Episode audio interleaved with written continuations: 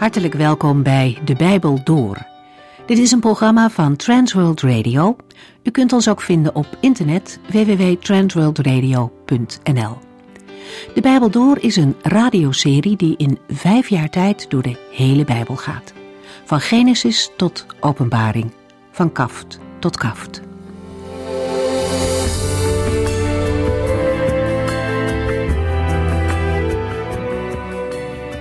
We lezen vandaag verder in Efeziërs 2. In dit hoofdstuk wordt duidelijk hoe ontzettend veel God van mensen houdt. Hij gaf het niet op toen er door de zonde een kloof tussen hemzelf en de mensheid ontstond. God zocht en hij vond een weg om die te overbruggen. Hij kwam zelf. Dankzij de komst van Jezus Christus is er nu vergeving en leven voor mensen. Het is een initiatief en een geschenk van God en geen mens kan daar iets aan toevoegen of iets voor doen. En dat verwacht God ook niet. Het is iets om te ontvangen, om aan te nemen. God wacht op mensen totdat ze komen en aanvaarden wat Hij wil geven. En dat is het begin. Want daarna mogen we vanuit de zekerheid dat God ons vergeven heeft, verder leven. Op grond van Zijn woord hoeven we niet te twijfelen aan Gods belofte van vergeving. Het gaat echter verder. God heeft ons gemaakt om goede dingen te doen. Wel in die volgorde. Eerst vergeving op basis van genade en dan leven naar Gods plan. Wie dat omdraait, vindt geen rust en geen vergeving. Goede werken kunnen ons wel een prettig gevoel geven, maar ons nooit in het reine brengen met God. De Heer Jezus illustreerde dat aan het eind van zijn leven met een voorbeeld van de wijnstok. Vruchten groeien wanneer de rank verbonden is met de wijnstok. En iedereen weet dat het onmogelijk is dat aan een losliggende tak nog vruchten komen. Zo onmogelijk is het ook om eerst vrucht te dragen en daardoor verbonden te raken met God. Die vruchten zijn het gevolg van een nieuw leven, verbonden aan de Heer zelf. Paulus schrijft aan de Efeziërs dat zij mogen wandelen in de goede werken die God al voorbereid heeft. En die manier van zeggen geeft ook iets van ontspanning aan. Wandelen, dat is niet gestrest of krampachtig. Het is niet proberen om het goed te doen. Gelovigen mogen leven met de Heer en vertrouwen dat Hij de vruchten laat groeien. Hij heeft de werken voorbereid en Hij is het ook die het werk in ons zal voleindigen. Hij laat niet los wat Hij begonnen is. We lezen verder in Efeziërs 2 vanaf vers 14.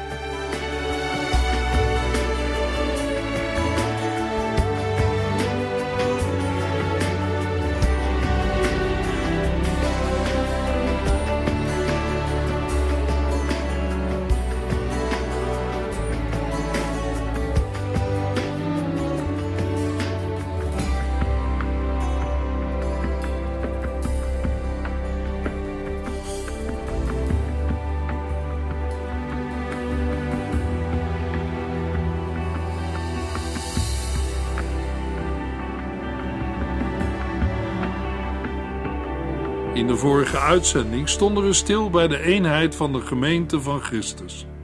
Vroeger leefden de lezers van de brief aan de Efeziërs als niet-Joden en onbesnedenen, zonder Christus en buiten de gemeenschap van Gods volk.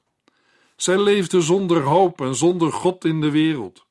Maar in Christus is er geen afstand meer tussen Joden en niet-Joden.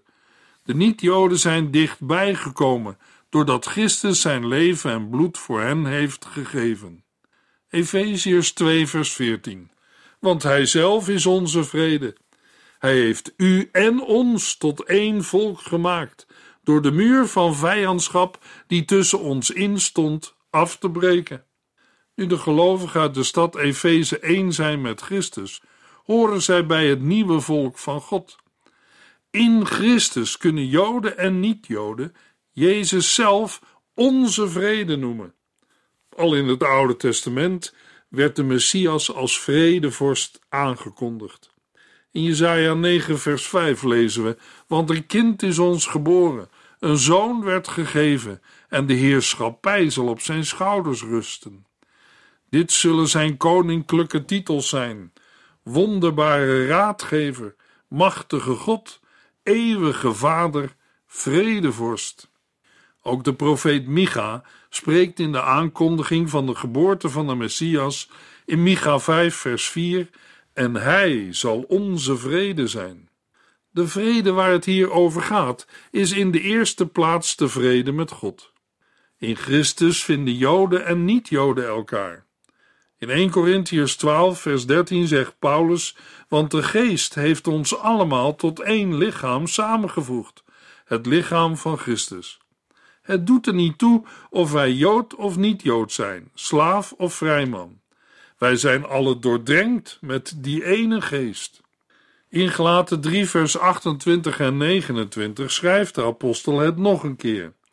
Er kan nu geen sprake meer zijn van Jood of niet-Jood, van slaaf of vrij man, van man of vrouw, want in Christus Jezus zijn we één geworden. Als u een deel van Christus bent, bent u ook kinderen van Abraham, en dan is wat God hem beloofde ook van u. Voor Israël had de wet altijd gefunctioneerd als een omheining, een bescherming, waarbinnen zij de zegen van de Heere konden ontvangen. Maar tegelijkertijd was de wet van God ook een afscherming ten opzichte van andere volken. De muur van vijandschap, letterlijk staat er in het Grieks de middenmuur of de tussenmuur van de omheining, wijst op de scheiding brengende werking van de wet tussen Joden en niet-Joden. Als illustratie daarvan stond op het tempelplein in Jeruzalem een muur die de voorhof van de heidenen, de niet-Joden, afgrensde van het gedeelte waar alleen Joden mochten komen. Bij elke poort stond een bordje met het opschrift: verboden toegang voor heidenen. Op overtreding volgt de doodstraf. Maar Christus heeft de scheiding tussen Joden en niet-Joden weggebroken. De Griekse werkwoordsvormen wijzen naar een moment in het verleden, namelijk de kruisiging. Efeziërs 2, vers 15. Door voor ons te sterven, heeft Christus de wet, die de oorzaak van de scheiding was, buiten werking gesteld. Hij bracht de twee tegenstanders bij elkaar door hen tot een deel van zichzelf te maken. Hij smeedde de twee, Jood en niet-Jood, samen tot één persoon, en toen was er vrede. De wet was niet alleen een oorzaak van scheiding, maar zelfs van vijandschap. Joden en niet-Joden keken op elkaar neer. Deze oorzaak heeft Jezus Christus weggenomen. Hij bracht de twee tegenstanders bij elkaar door hen tot een deel van zichzelf te maken. Het betekent letterlijk dat Jezus Christus door de kruisiging van zijn lichaam de wet teniet heeft gedaan. In Colossense 2 vers 14 lezen we: Hij heeft ons strafblad dat tegen ons getuigde verscheurd de lijst met regels waaraan we ons niet hebben gehouden.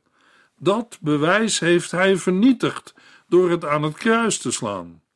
In Colossense 1 vers 22 had de apostel dat al aangegeven voor niet-Joden met de woorden: Maar nu heeft God zich met u verzoend door de dood aan het kruis van zijn aardse lichaam. Zo heeft Christus u heilig en zuiver gemaakt en in de dichte nabijheid van God gebracht. De wet wordt in de Griekse tekst nader omschreven als de wet van geboden en inzettingen. In Colossense 2 vers 14 lazen we de aanduiding lijst met regels. Christus heeft de wet teniet gedaan, voor zover deze bestond, in voorschriften over offers, rituele reinheid, ceremonieën, etc. Paulus schreef aan de gelovigen in Rome: Maar nu zijn wij van de wet bevrijd. Omdat wij gestorven zijn, kan zij ons niet vasthouden. Nu kunnen we God op een heel nieuwe manier dienen, vanuit ons hart, door zijn geest, en niet op de oude manier, door het naleven van wetten. In 2 Corinthiërs 3 vers 6 belicht Paulus het nog eens van een andere kant. Hij, de Heere, heeft ons geholpen anderen over zijn nieuwe verbond te vertellen. Dit is geen verbond door de wet, maar door de Heilige Geest. Want hoe men ook probeert de wet van God te houden, het eindigt altijd met de dood. Door de Heilige Geest komt er leven. Het wezen van de wet van God, de liefde tot de Heer en de naaste, is niet afgeschaft. Jezus zegt zelf in Matthäus 5, vers 17: Denk niet dat ik ben gekomen om de wetten van Mozes en de woorden van de profeten af te schaffen. Ik ben juist gekomen om er de volle betekenis aan te geven. Als Jezus in Johannes 15 zijn volgelingen meegeeft: Zorg dat je in mijn liefde blijft, dan zegt hij er direct achter: En dat doe je door je aan mijn geboden te houden. Want de Vader is van mij blijven houden, doordat ik mij aan zijn geboden heb gehouden. Leef vanuit zijn liefde. Efeziërs 2, vers 16. Nu wij tot hetzelfde lichaam behoren, is de vijandschap verdwenen, want wij zijn allebei met God verzoend. Door het kruis is er een einde aan de tegenstelling gekomen. Niet alleen worden Jood en Heiden in Christus verzoend, maar beide ontvangen ook verzoening met God. Door geloof en doop zijn alle gelovigen in Christus opgenomen en daardoor ook met Hem aan het kruis gestorven. Christus bewerkte de verzoening. Door te sterven doodde hij op dat moment de vijandschap tussen God en mens. Vijandschap spreekt hier in de eerste plaats over de vijandschap tussen Joden en heidenen, maar vervolgens ook over die tussen God en mensen. Efeziërs 2, vers 17. Jezus kwam met het goede nieuws dat het vrede was, zowel voor u die ver van God was, als voor ons die dichter bij hem leefden. Het woord kwam wijst op een gebeurtenis in het verleden, namelijk de eerste komst van de Heer Jezus naar de aarde. Bij de woorden hij kwam met het goede nieuws dat het vrede was, kunnen we denken aan Jezus' geboorte toen de engelen de boodschap van vrede verkondigden. Daarnaast kunnen we denken aan de eerste verschijningen van Jezus na zijn opstanding toen hij aan zijn leerlingen verscheen met de groet: Vrede zij u. De boodschap van vrede werd na de hemelvaart van de Heer Jezus door de apostelen overgenomen en doorgegeven. Zo wordt ook vandaag nog altijd zijn vrede verkondigd. In Handelingen 10, vers 36 zegt Petrus tegen de Romeinse officier Cornelius: God heeft het volk Israël de heerlijke boodschap van vrede gebracht door Jezus Christus, de Heere van allen. Ook de gelovigen in de stad Efeze worden opgeroepen het evangelie van Jezus Christus door te geven. In Efezië 6 vers 15 lezen we: Trek de schoenen aan van de bereidheid om het goede nieuws van de vrede met God bekend te maken. Het goede nieuws of evangelie heeft hier de oorspronkelijke betekenis van een blijde boodschap van vrede verkondigen. Paulus heeft in vers 17 een aantal citaten uit het Oude Testament verwerkt. De boodschapper van vrede vinden we bijvoorbeeld in Jesaja 52 vers 7 en Zacharia 9 vers 10. In Jesaja 57 vers 19 lezen we: Vrede Vrede voor hen dichtbij en veraf, want ik zal hen allemaal genezen. Jesaja 57 wordt vrede toegezegd aan Joden die in het beloofde land dicht bij de tempel leefden, en aan Joden die ver weg in ballingschap leefden. In zijn Pinksterpreek in Handelingen 2 vers 39 horen we Petrus zeggen, want God heeft de Heilige Geest beloofd aan u en uw kinderen, aan ieder die door God geroepen wordt en ook aan de verre vreemde volken. In de brief aan de Efeziërs gaat de apostel Paulus op dat spoor verder. In Efeziërs 2 vers 17 heeft Paulus met de woorden u die ver van God was, de niet-Joden op het oog. Door de ontvangen vrede met God is er in Christus ook vrede tussen Joden en niet-Joden. In de gemeente van Christus zijn Joden en niet-Joden samengevoegd tot één lichaam waarvan Christus het hoofd is. Daarbij moeten wij niet-Joden ons goed realiseren wat Paulus zegt in Romeinen 11, vers 14 tot en met 18. Wat zou het heerlijk zijn als ik mijn eigen volk jaloers kon maken, zodat in elk geval enkele ervan Jezus Christus zouden aannemen en daardoor gered zouden worden. Toen God zich van hen afkeerde, betekende dit dat hij zich naar de rest van de wereld keerde om hun zijn redding aan te bieden. En wanneer hij hen dan opnieuw in zijn genade aanneemt, zal dat hun opstanding uit de dood zijn. Omdat Abraham en de profeten het volk van God waren, zullen hun kinderen het ook zijn. Als de wortel van God is, zijn de takken ook van hem. Sommige takken van de goede olijfboom zijn afgebroken. En u, niet-Joden, bent als wilde olijftakken op de goede olijfboom geënt. Nu u tussen de andere takken staat, krijgt u net als zij voedsel uit de wortel. Nu moet u vooral niet neerkijken op de takken die weggebroken zijn. Verbeeld u maar niets. U bent maar een tak en niet de wortel die alle takken draagt. Efeziërs 2 vers 18 Door wat Jezus heeft gedaan, mogen wij, Joden en niet-Joden, vrij bij de Vader komen, in één geest. Door de verzoening die door Christus Jezus tot stand is gebracht, is de verhouding tussen God en mensen hersteld. Niet alleen zijn beiden, Jood en niet-Jood, in het lichaam van Christus verenigd, maar ook hun contact met God de Vader gaat langs dezelfde weg, namelijk in één geest. Hetzelfde lezen we in Efeziërs 4, vers 4. Wij horen immers allemaal bij hetzelfde lichaam. Wij hebben dezelfde geest. Wij verwachten dezelfde heerlijke toekomst, omdat God ons heeft geroepen. In de Griekse tekst van vers 18 staat voor de woorden: Door Jezus mogen wij vrij bij de Vader komen. Door Hem hebben wij de toegang tot de Vader. Het woord toegang werd wel gebruikt om ons begrip audiëntie aan te geven.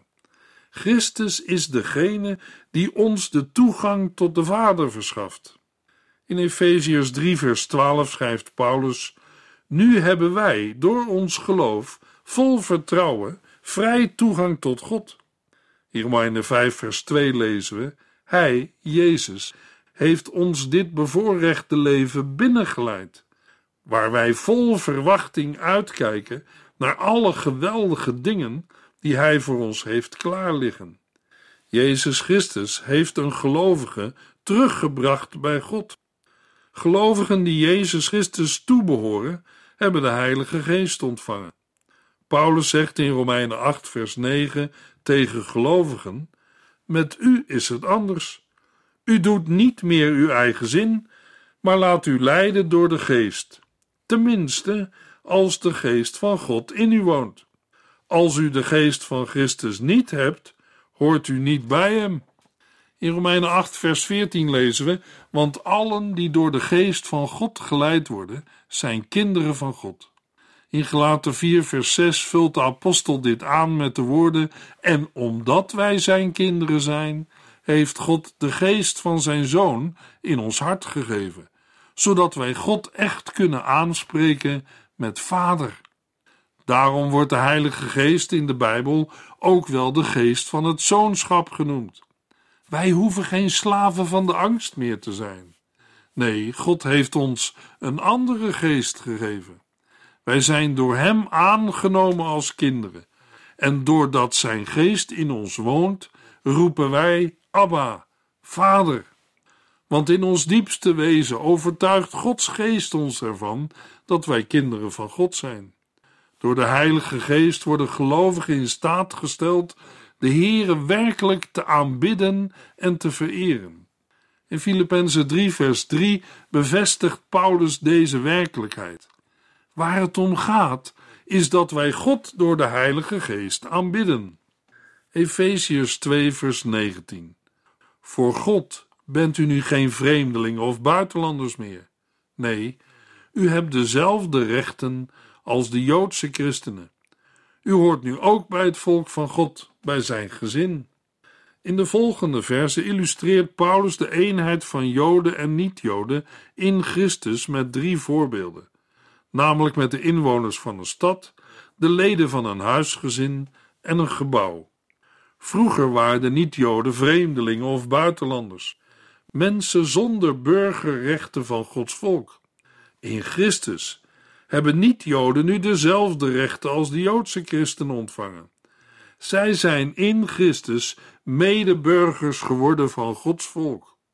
Met Gods volk, in andere vertalingen lezen we heiligen, bedoelt Paulus de Joden, die al in het Oude Testament hun hoop op de komst van de Messias hadden gevestigd. Dit burgerschap is niet in Israël of in het aardse Jeruzalem, het is in de hemel. In Filippenzen 3, vers 20 schrijft Paulus: Wij zijn echter, al wonen wij hier op aarde, burgers van een stad in de hemel. En vandaar verwachten wij ook onze Verlosser, de Heer Jezus Christus.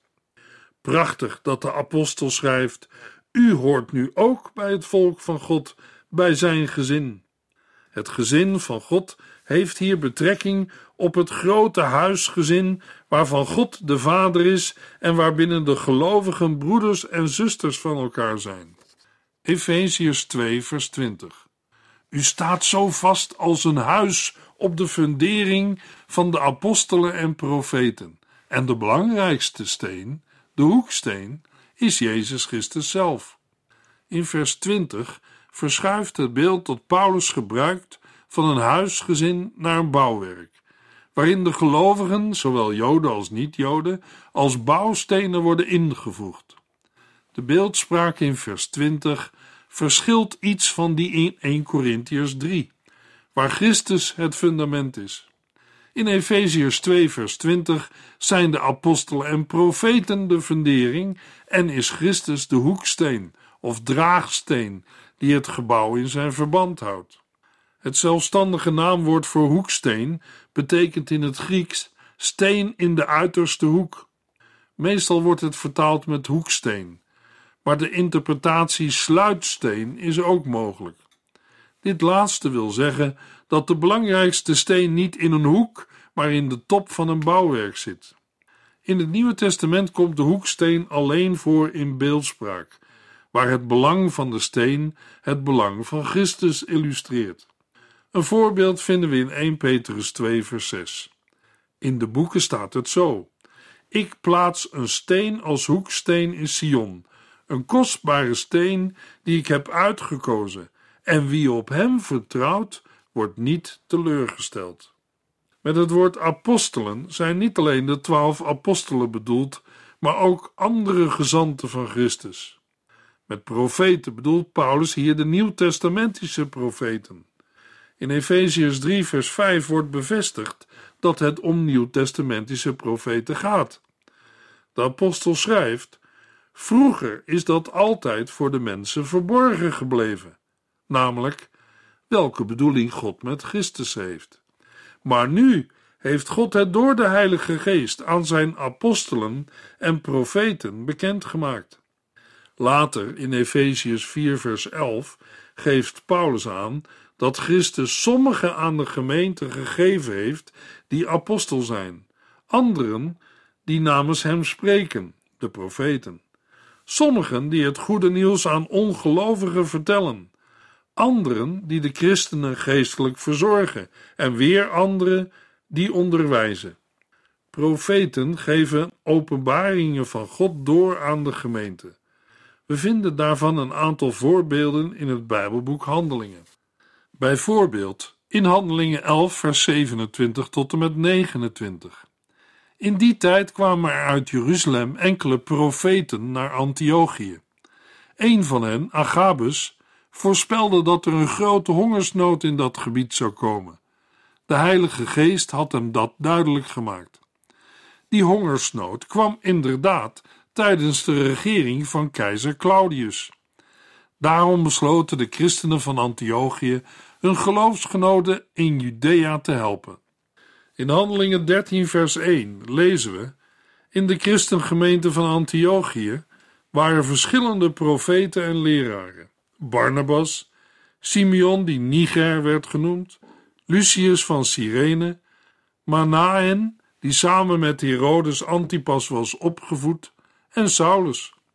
Door hun verkondiging en openbaringen hadden de apostelen en profeten een belangrijke plaats in de gemeente, het bouwwerk van God. In Matthäus 16 lezen we dat Petrus ook een openbaring van de Heere had ontvangen en de gemeente van Christus het bouwwerk van God is.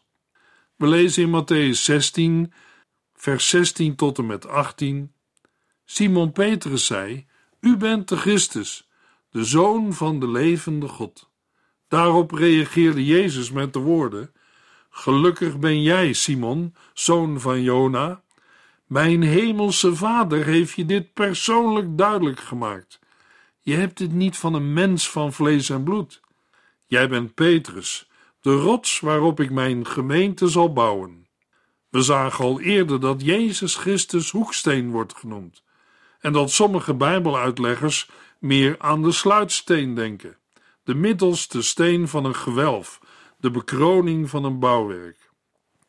De meeste Bijbeluitleggers denken aan de grote stenen op de hoeken van de muren, de hoekstenen die verband geven aan een bouwwerk dat uit kleine stenen is opgebouwd.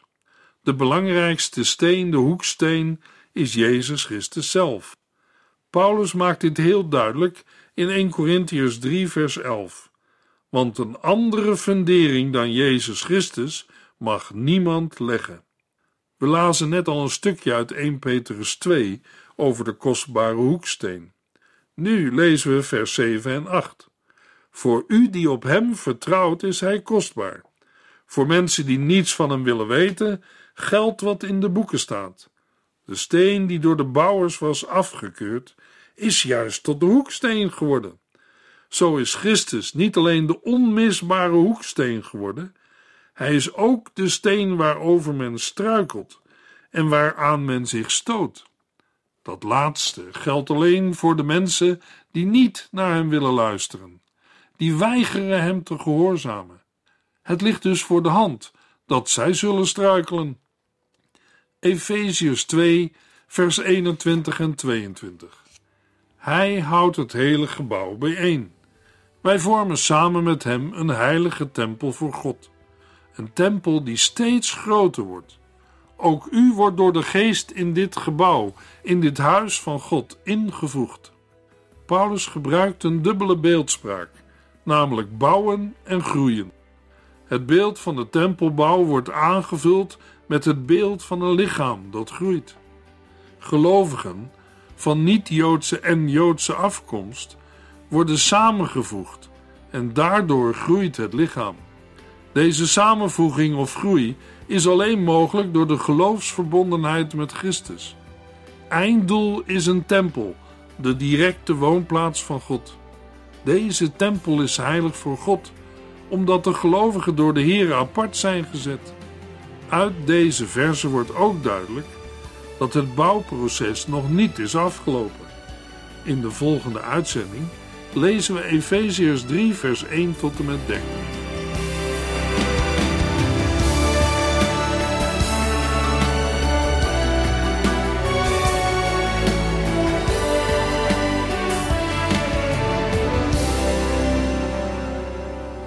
En hier eindigt deze aflevering van De Bijbel Door. Een serie programma's van Transworld Radio. Wilt u ons iets vragen of meer weten? Dan kunt u altijd contact met ons opnemen. Bellen kan overdag met 0342 478432. Per post Transworld Radio.